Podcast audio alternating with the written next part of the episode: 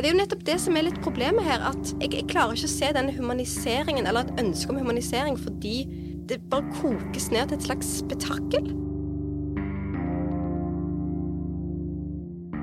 Regissøren Darren Aronofsky trekkes mot ekstreme mennesker og de mørke hjørnene av menneskesinnet, enten det handler om besettelse, avhengighet eller andre former for selvdestruksjon. I hans siste film The Whale er det ekstrem overvekt som står for tur.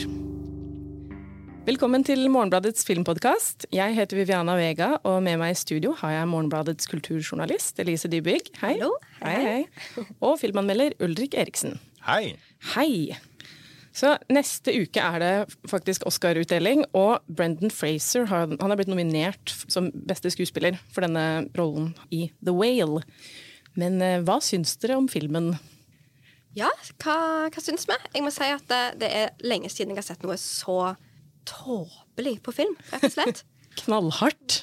Hva syns du, Ulrik? Eh, Ja, jeg, jeg var heller ikke så veldig imponert. Eh, Jeg irriterte meg mye gjennom filmen. Den forsøker å si noe sant som jeg absolutt ikke opplever som sant. Og i hvert fall ikke spesielt eh, øyeåpnende på noen som helst måte. Så jeg blir sittende igjen sånn Hva i all verden var dette, og hvorfor?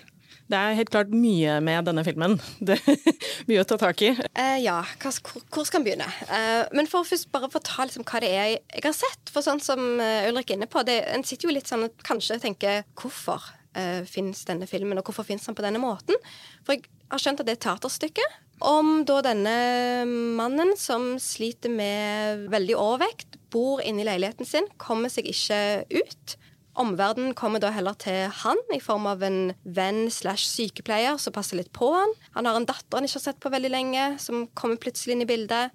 Ekskone, et pizzabud som kommer og leverer pizza som han gradvis blir litt kjent med. Det er som om å sitte i en teatersal der du tenker at ingenting av dette gir mening. Forsøksvis gir det jo mening. Altså, det er jo det at man også får følelsen av at alt Alt som- passer veldig godt sammen. Alt er, passer veldig godt sammen. og Som i mye dramaturgi, da, så kommer liksom skjelettene ut av skapet i en sånn koreografert uh, runde. Uh, som hele tiden oppleves veldig lite organisk. Veldig konstruert. Kan du gi en eksempel på det? Sånn Nei, altså For eksempel så har du denne datteren da, som plutselig kommer. Fordi det filmen starter med, er at han, eh, denne Charlie, som han heter, får et anfall. Hvor det da blir konstatert, eh, ikke på sykehus, for de, dit har han ikke råd til å dra. Eh, Men sykepleiervenninnen konstaterer at han har et eh, helt sånn sinnssykt høyt blodtrykk. Og han har eh, en hjertesykdom som gjør at han, eller at han, han er i ferd med å dø, rett og slett. Så han ser for seg ok, nå skal han måtte, gjøre opp for seg. Og, og dermed så tar han kontakt med datteren som plutselig da dukker opp. Og da blir det på en måte, Den historien der blir en sånn Ok, nå skal vi få vite litt mer om hva som skjedde. Og, og, så, og så får vi Så får vi sånne drypp. Det kommer et bilde av kjæresten hans. Og så Ja. Det er sånne veldig sånne konstruerte ting som, som man skal gi historien et sånn ja, å ja, det var det som har skjedd. Det var derfor. Det var, å ja, det var sånn. Uten at du på en måte får en følelse av at dette kan være sant. Det er bare en historie som blir liksom presentert. Det kommer liksom hele tida folk inn døra som bare Det kommer folk inn døra som, har- som har noe å meddele, Ja. og for å få historien til å komme litt videre. Ikke sant? Og så lurer jeg på igjen at, men er det, For en sier jo gjerne at når en tar et teaterstykke og lager film av det, så må en prøve å gjøre det mer filmatisk. Jeg tror at Hadde jeg sett det på en teaterscene, så hadde jeg tenkt sånn Ja, ja, det er teater. Men når det er film, så blir jeg litt mer kritisk. Men jeg har skjønt at du, Viviana, du ble litt mer revet med. Ja, altså jeg, Den klarte jo å trekke litt i følelsesstrengene av og til. eh, Tidvis rørende. Jeg syns den var eh, stort sett underholdende også. Jeg synes på en måte Det var alltid interessant å høre samtalene mellom karakterene og sånt. Og så en ting jeg la merke til også, for der Naronovskij jeg føler han ofte har veldig sånn klaustrofobiske filmer, og nå var jo settinga superklaustrofobisk. Han var jo bare inne i en leilighet, men likevel så føltes den ikke så lukka som filmene hans pleier å være. Så jeg syns det var en sånn letthet inni der som jeg ikke hadde venta. Altså, jeg synes det var greit, men mot slutten så syns jeg bare det ble litt for dumt, rett og slett. Men hva, for jeg prøver liksom å tenke etterpå ok, Det at jeg syns han var så tåpelig, hva bunner det i? Handler det om at du tar en skjebne som ikke så ofte portretteres på film. Og så skal vi forstå litt mer hvordan det er å være dette mennesket. Og så skal vi ha sett filmen og kjent litt mer på menneskelige følelser. Det jeg mener filmen handler om, er at den skal utfordre våre fordommer. Og vi har jo alle, eh, sikkert, eller veldig mange av oss, fordommer mot alt som ikke er helt sånn som oss selv. Og særlig kanskje feite mennesker, rett og slett. Og, og Aronofsky tråkker jo på. ikke sant? Han introduserer oss for hovedpersonen på det minst flatterende vis. Svettende, masturberende, pesende i en mørk leilighet. Alt tilsier at 'oi, dette var deprimerende saker'. liksom. Og så skal vi liksom 'Å nei, han var ikke akkurat sånn'. Og den tradisjonen finnes det mange av i Hollywood. altså at man Som tilskuer skal du få den gleden av å på en måte møte dine egne fordommer. Og så skal du kjenne på å ja, men det var ikke helt sånn. Og det, Ja. og Oppleve en slags renselse. Ja, at det er en slags renselse i det. Jeg syns jo Aronofsky prøver på en måte å humanisere Charlie hele tida, men lykkes ikke alltid så mye. Han blir jo på en måte en, en kar karikatur også. Men hva syns dere om Brendan Fraser? da? Han er jo Oscar-nominert for denne rollen. Syns dere han fortjener en Oscar? Ja, Det er jo nettopp det som er litt problemet her. At jeg, jeg klarer ikke å se den humaniseringen, eller et ønske om humanisering, fordi det bare kokes ned til et slags spetakkel av en kropp som ikke er som alle andre kropper, og som sliter dermed med å finne sin plass i verden, eller finne fram i verden, eller finne ut hvem en er i verden. Men så blir det bare redusert til et spetakkel i Oi, se hvor flink han skuespilleren var, så liksom tør å gå her, da. Det er litt den. Så du får en litt uggen følelse. Og så har jeg jo skjønt at det er mye bruk av sånne spesialeffekter og form av litt sånn draktopplegg og den type ting, Ja. som gjør han òg litt sånn øh, Og dette har det jo vært uh, ganske mye snakk om. uh, fordi selv om Brendan Fraser riktignok har lagt på seg noen kilo siden han var uh, liksom Georgia in the Jungle og i Mumien, så har de måttet bruke ganske mye proteser for å få han til å se ut som en person med sykelig overvekt. Og det er det veldig mange som syns er problematisk. Hva tenker du om det? Ja, for det, det kommer jo i en sånn debatt som jo vel har pågått nå de siste årene, om hvorvidt filmskuespillere, som da gjerne er eh, ofte da streite hvite menn, skal få lov til å portrettere eller gå inn i karakterer som kommer fra minoritetsgrupper, da, særlig. Eh, et eksempel var vel Eddie Redmayne, den britiske skuespilleren. Han spilte en eh, transkvinne i The Danish Girl. Han vant Oscar, eller var nominert til Oscar for den rollen. husker tror jeg ikke, faktisk. Eh, og det er jo veldig sånn klassisk at dette er jo ofte sånn Oscar-vinnende roller. For da er det sånn Wow, se, sjekk den forvandlingen! Eh, Ja. fra, fra denne pene Eton-gutten til liksom ja, Charlize Theron, se, hun er stygg i Ja. Monster. Ja, sant? Ja. Eh, og at det bunner i det. Og så liksom har du en filmhistorie der eh, alle de som Istedenfor å se seg sjøl på film, så har han sett en pen skuespiller spille seg sjøl. Eller spille en variant av seg sjøl, da. Ja, Det er jo ikke bare kjønnsidentitet. Som, Nei. eh, det er jo funksjonsnedsettelser blir portrettert på film av folk som ikke har funksjonsnedsettelser. Ja, og det her er jo litt, sånn, litt av poenget med eh, Hollywood-film er jo at de er stjernebaserte. ikke sant? Og, og dermed så, hvis du skal måtte lage film om litt andre deler av verden enn den du finner i, visse deler av Los Angeles, så blir du ofte nødt til å, måte, at stjernene må på en måte forvandle seg. Enten det er en litt sånn redneck i Appalachene eller en eh, i dette tilfellet eh, overvektig universitetslærer. I en teaterverden så er jo ikke dette en veldig sånn problemstilling som blir Jeg tror ikke det var noen debatt rundt hvorvidt skuespilleren som spilte The Whale opprinnelig på teater, var feit eller ikke. Men når det kommer til film, så, så har du jo liksom I teater så er det jo sånn at da, da forholder du deg til den staben du har, de skuespillerne som er innenfor rekkevidde ofte. Mens i en filmverden så er på en måte Der er egentlig i prinsippet alt tilgjengelig. Så da er ikke unnskyldningen så sterk. Altså du kan alltids en måte, finne en skuespiller som virkelig kjenner på denne overvekten. Som kan kjenne på hvordan det påvirker livet. Og ville ikke det kanskje vært en mer interessant rolletolkning? Blir det mer autentisk da, tenker du? Det blir helt klart helt sikkert mer autentisk. Og jeg vil tro også at for en eh, film så vil det også eh, gi en større troverdighet i forhold til ja, eh, den erfaringen som den skal prøve å si noe om. da. Og det føler jeg veldig med denne The Whale. At du får alltid en sånn Du, du er bare den utenforstående som ser inn og tenker sånn Wow, oi, det virker kjipt. At liksom Kameraarbeidet skal hele tiden framheve det groteske, f.eks. Og så kan det være kanskje en intendert effekt for at vi, at skal snu og tenke sånn fra vemmelse til empati, f.eks. Men til og med den tankegangen skurrer veldig, fordi at som Bonde Ulrik er inne på, at du kommer inn og sier men jeg har jo ikke Eller kan, kanskje har jeg disse fordommene, så vet jeg det ikke sjøl.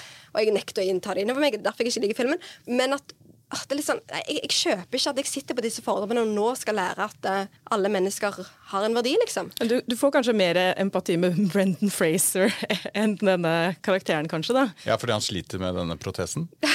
ja.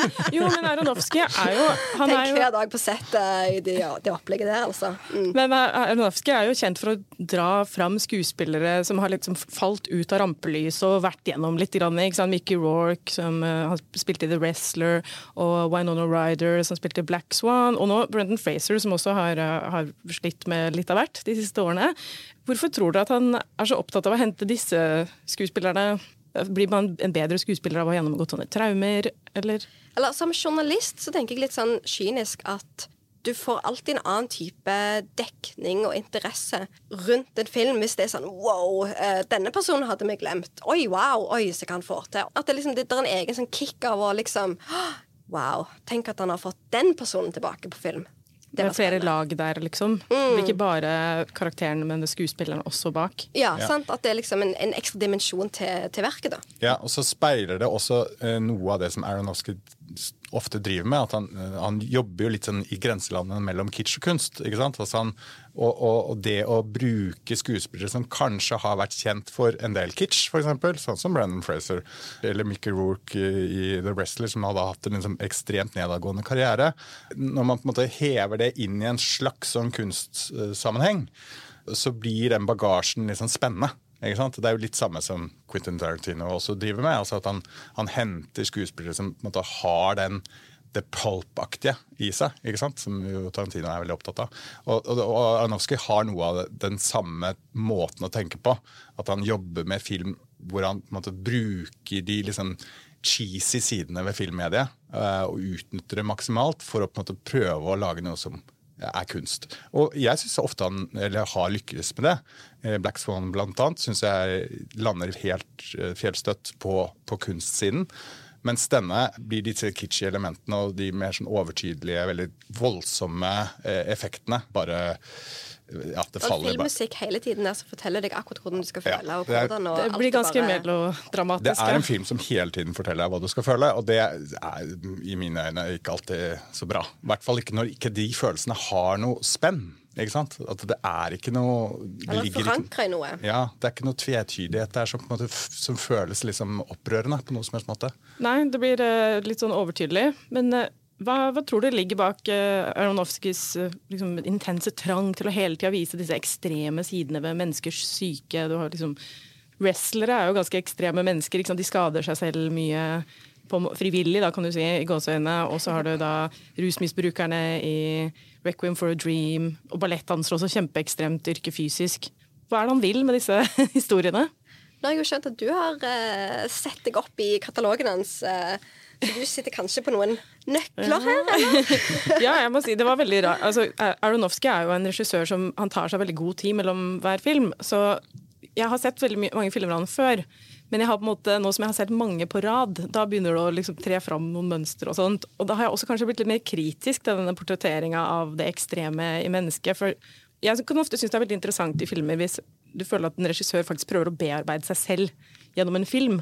At det, det er liksom en sånn der, eh, spenning der med noe de prøver å løse, hvis du skjønner. Men i filmene hans mer og mer føler jeg at han kanskje bare prøver å se på det fra et sosialantropologisk uh, sted uh, som han har studert. At det er litt sånn Oi, se det her er skikkelig spesielt. Liksom. Altså, det eneste som mangler nå, tenker jeg er at han lager en film om en seriemorder. Det er på en måte det naturlige neste steget i den typiske sånn ekstreme mennesker. Hvorfor gjør de sånn? Hvorfor, hvorfor drar de det så langt? Ja, for Er det noe mer at en får en følelse av at dette er en tematikk som han syns er interessant, og så er det litt sånn tilfeldig Eller ikke akkurat tilfeldig, men altså, er det, det, er det samme om det er overvekt, eller om det er ballett, eller om det er sånn Bare finne et eller annet der jeg kan nok en gang teste ut mine på en måte interesser innenfor akkurat dette segmentet.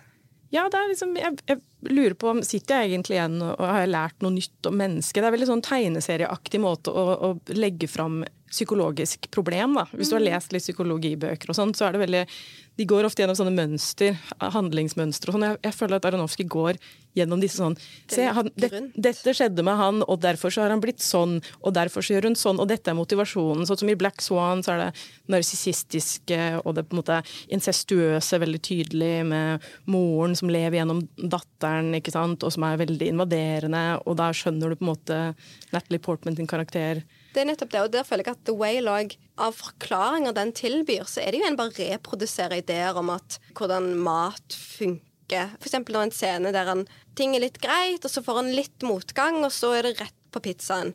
Uh, så det er litt sånn mer i en reprodusering av fordommer enn at en faktisk gjør noe med det. Sånn som Ulrik, du nevnte Tarantino. Typisk kritikk så Tarantino får at han er veldig interessert i hevn, f.eks., som, som filmfortelling. Og så bruker han ja, liksom kvinners uh, urettferdige behandling opp igjennom, eller svartes uh, urettferdighet for å liksom legitimere den lysten etter hevnfortellingen. da. Og Litt det samme følelse kan jeg få her. Ja, jeg tror jo ikke Aronovskis, han Hans største kvalitet er jo ikke måte, at han er en stor menneskekjenner og en stor psykolog.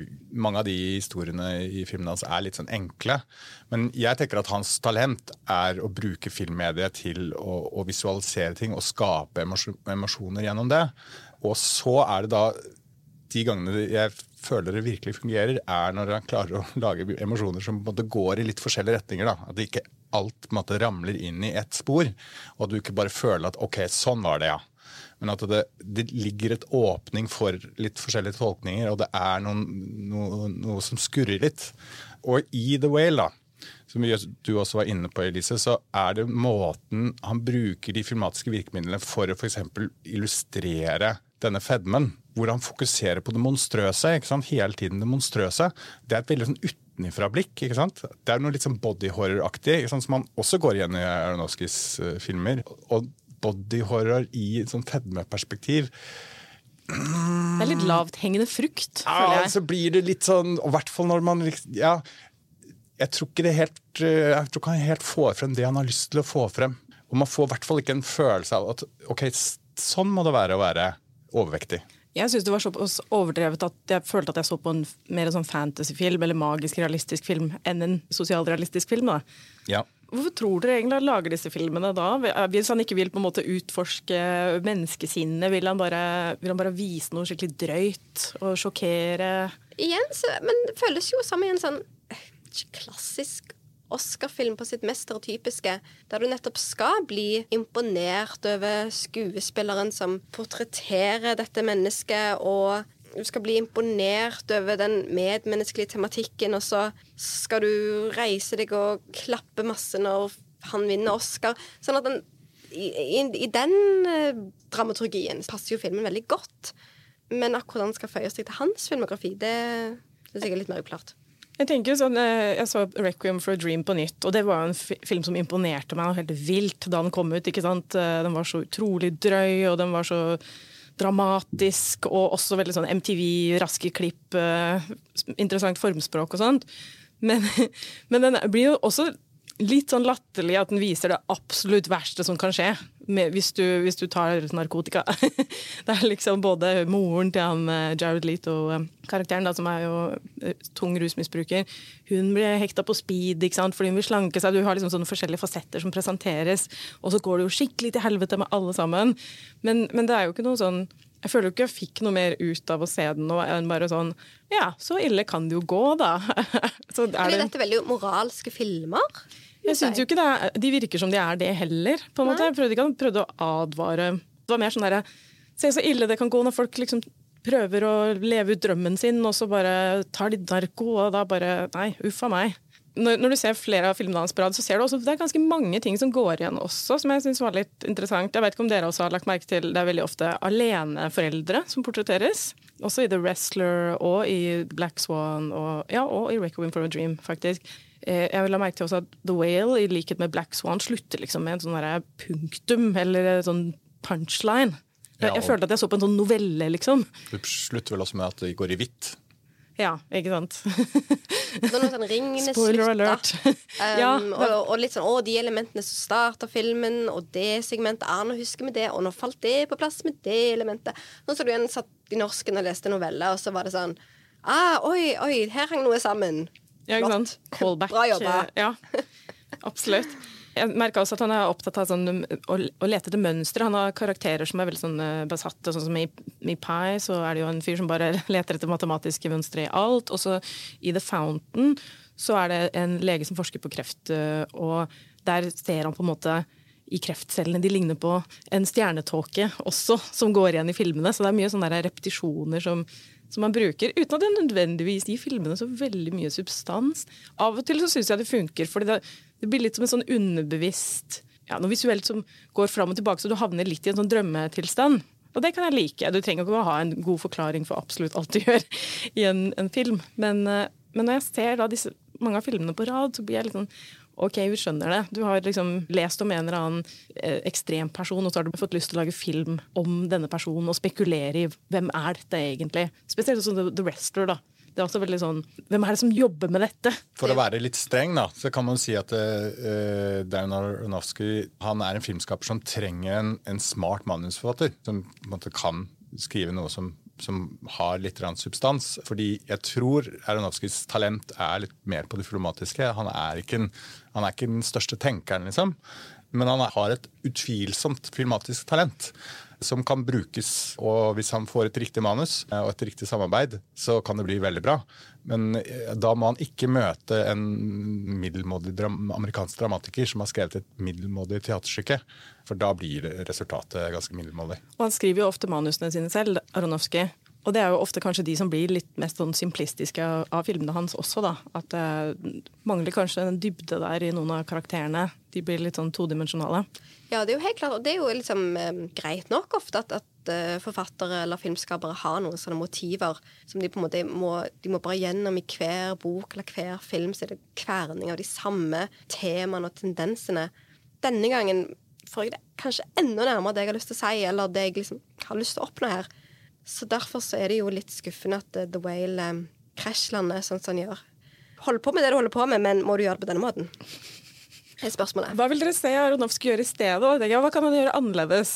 Hva, hva er det vi trenger nå, Aronofsky? Skal han ta, ha litt mer sånn avslappa film, kanskje? Mer sånn sosialrealistisk uh, Nei, jeg vil ha mer Jeg vil ha, jeg vil ha Aronofsky på sitt mest sånn spektakulære. Ja, altså, absolutt. Eh, Jeg vil ha at han, han bruker liksom det, det operamessige nesten, og det, det liksom kitschy. Jeg liker når han beveger seg inn i landskapet, men det må være muligheter for et flertydighet. Det må være mulig å tolke det på ulike måter. Det må ha noen emosjonelle diskrepanser, for å bruke et litt sånn vanskelig ord.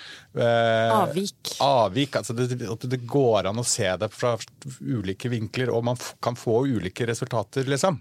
Da eh, funker Aronofsky for meg. Så gjerne så voldsomt som mulig. Jeg tror ikke egentlig at han kan lage sånne neppe-filmer, og jeg tror ikke han skal gjøre det heller. Nei.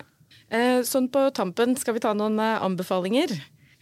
Har du Ja, noe sånt? jeg har lyst til å eh, snakke om en film som jeg så i, i Tromsø, men som jeg vet er vanskelig å få sett. Men jeg har lyst til å nevne den likevel. Den heter The Right of Spring.